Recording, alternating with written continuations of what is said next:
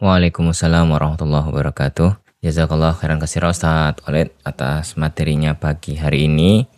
Penjelasan tentang konspirasi saudara-saudaranya Nabi Yusuf, motifnya dan ya strateginya lah begitu dan ada tambahan tentang bagaimana terkait anak temuan dan barang temuan. Ini sudah jam 7 Ustaz, tapi ada tiga pertanyaan. Bagaimana Ustaz?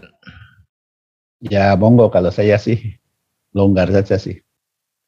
Nah, Boleh Ustaz ya nggak apa Ustaz ya? Yang masih punya atau sudah punya agenda-agenda yang lain monggo kalau akan meninggalkan majelis ini. Nah kalau tidak ada agenda yang lain, nah silahkan kalau ada pertanyaan-pertanyaan yang perlu disampaikan. Baik Ustaz, terima kasih Ustaz. Pertanyaan dari Pak Umar Kajen. Narasi, narasi, mohon izin bertanya Ustadz. Narasi bahwa kedengkian saudara-saudara Yusuf disebabkan oleh ketidakadilan Nabiullah Yakub alaihissalam atas dasarnya dasarnya apa gitu? Ya itu perasaan mereka saja. Jadi kalau kata dalam tafsir di, dikatakan yadununa, jadi mereka menduga. Nah mungkin mereka ini menangkap ya. Jadi perilaku Nabi Yakub terhadap dua putranya yang kecil dari ibu yang baru ya ini dianggap berbeda dengan mereka. Walaupun tadi di dalam tafsir Syekh Zuhali mengutip dari tafsir Qurtubi itu dikatakan ya sebenarnya wajar saja orang dua ini anak-anak ini masih kecil-kecil ya.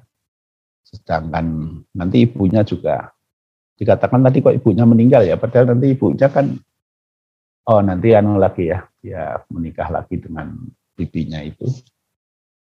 Uh, kemudian yang nanti dibawa ke Mesir itu ya wallahualam jadi uh, tadi dikatakan bahwa ini dua anak kecil-kecil ya.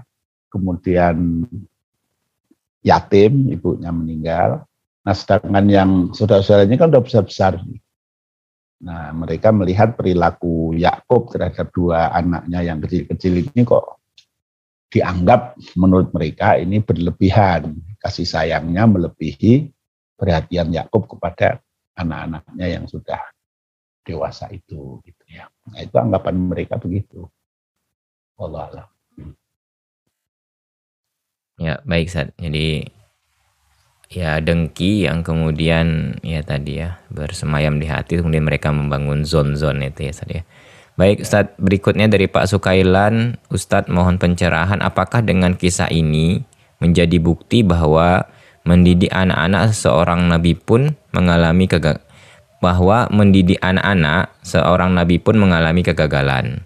Atau kisah ini memberikan atau kisah ini memang untuk memberikan pelajaran betapa sulitnya mendidik anak bila tidak dilandasi dengan kaedah yang baik tapi ini kejadiannya dialami Nabi Yakub. Bagaimana dengan kita sekarang yang penuh dengan tantangan? Ya, artinya kita punya kewajiban untuk berusaha ya, tetapi hasil itu bukan di tangan kita. Jadi misalnya berperilaku adil terhadap anak-anak itu ya, itu perilaku dohirnya harus diusahakan. Walaupun tadi dikatakan bahwa kalau bab kasih sayang di dalam hati itu sebenarnya sulit untuk betul-betul dibagi. Ini sama dengan perlakuan seorang suami terhadap istri-istri kalau suami itu punya istri lebih dari satu. Nah, mungkin bisa bertanya kepada yang punya pengalaman ini ya, saya tidak punya pengalaman jadi tidak bisa cerita. Nah, tetapi Al-Quran menegaskan bahwasanya hati itu betapapun itu sulit untuk di, dikendalikan. Jadi kalau untuk adil secara penuh di dalam hati itu mungkin sulit, nah, tapi perilaku dohirnya yang memang harus diatur supaya supaya adil. Nah, yang kedua bahwa kita tidak mengatakan para nabi pun gagal mendidik anak ya, tetapi bahwa memang ya para nabi pun manusia. Jadi kalau urusan hati ya yang disinggung oleh Allah di dalam bab memperlakukan istri-istri itu juga nabi dan yang diceritakan oleh Allah dalam kisah Yusuf ini juga nabi gitu ya. Nah, tetapi bahwa tentu pelajarannya bukan pada sisi nabinya itu gagal, tapi mestinya kita lebih melihat bagaimana perilaku anak-anak yang tadi bukan para nabi itu ya, yang namanya orang itu bisa saja muncul hal-hal yang tidak benar ya uh, oleh sebab banyak hal termasuk mungkin hanya oleh dugaan-dugaan yang mereka miliki. Yang dugaan itu belum tentu betul gitu ya. Jadi belum tentu betul dugaan itu tetapi kadang-kadang sikap-sikap yang tidak benar itu bisa muncul dari dugaan-dugaan. Nah dan di sini tidak ada cerita tentang konfirmasi ya. Jadi kadang-kadang tidak ada tabayun gitu. nah karena itu di satu sisi orang tua berusaha untuk berperilaku adil secara dohir, secara sebaik-baiknya. Nah juga kalau bisa dalam sisi batinnya juga berusaha untuk seadil-adilnya. Nah sehingga tidak menimbulkan potensi ketidaksukaan sebagian dari anak-anak yang merasa diperlakukan kurang adil. Nah ini pelajaran yang bisa kita ambil. Ya. Nah, ada contoh juga misalnya kasus Nabi Nuh ya, di mana ada anaknya juga kafir, ya tidak mau beriman kepada Nabi Nuh. Istrinya juga begitu gitu ya. Gitu. Jadi eh, ada yang bertanya, ya kalau istri Nabi, anak Nabi aja bisa kafir, nah apalagi istri kita, anak kita gitu ya. Nah saya kira jangan begitu yang diambil pelajarannya gitu. Tetapi ya betapa kita harus lebih bersungguh-sungguh lah untuk bagaimana mengusahakan agar anak dan istri kita itu menjadi baik. Walaupun usaha kita itu tidak menjamin ya, tidak menjamin bahwa kita akan berhasil. Nah, tetapi bahwa adalah kewajiban kita untuk melakukan usaha semaksimal mungkin. Sebagaimana tidak menjamin bahwasanya anak-anak kita ini akan merasa diperlakukan adil, tetapi kewajiban kita adalah berusaha untuk berlaku adil di antara anak-anak kita. Allah. Satu lagi boleh, Sat? Silakan. Ustadz, izin bertanya kalau kita menemukan uang tidak seberapa besarnya, sering terjadi di sekolahan. Sudah diumumkan tapi tidak sampai satu tahun, apakah kita boleh memilih untuk diinfakkan saja uang tersebut? Diinfakkan itu kan kalau uang kita ya. Nah kalau bukan uang kita kan kita tidak boleh mentasorufkannya. Nah karena itu kalau dalam hukum Islam ya setahun dulu. Nah setahun dulu, kemudian setelah setahun baru tadi pilihan-pilihannya ya. Kalau menurut Imam Malik, kalau dia tidak perlu dengan uang itu tidak boleh memilikinya, jadi harus disedekahkan. Nah, kalau dia orang fakir butuh ya dia boleh dengan prinsip itu mengambil sedekah begitu ya.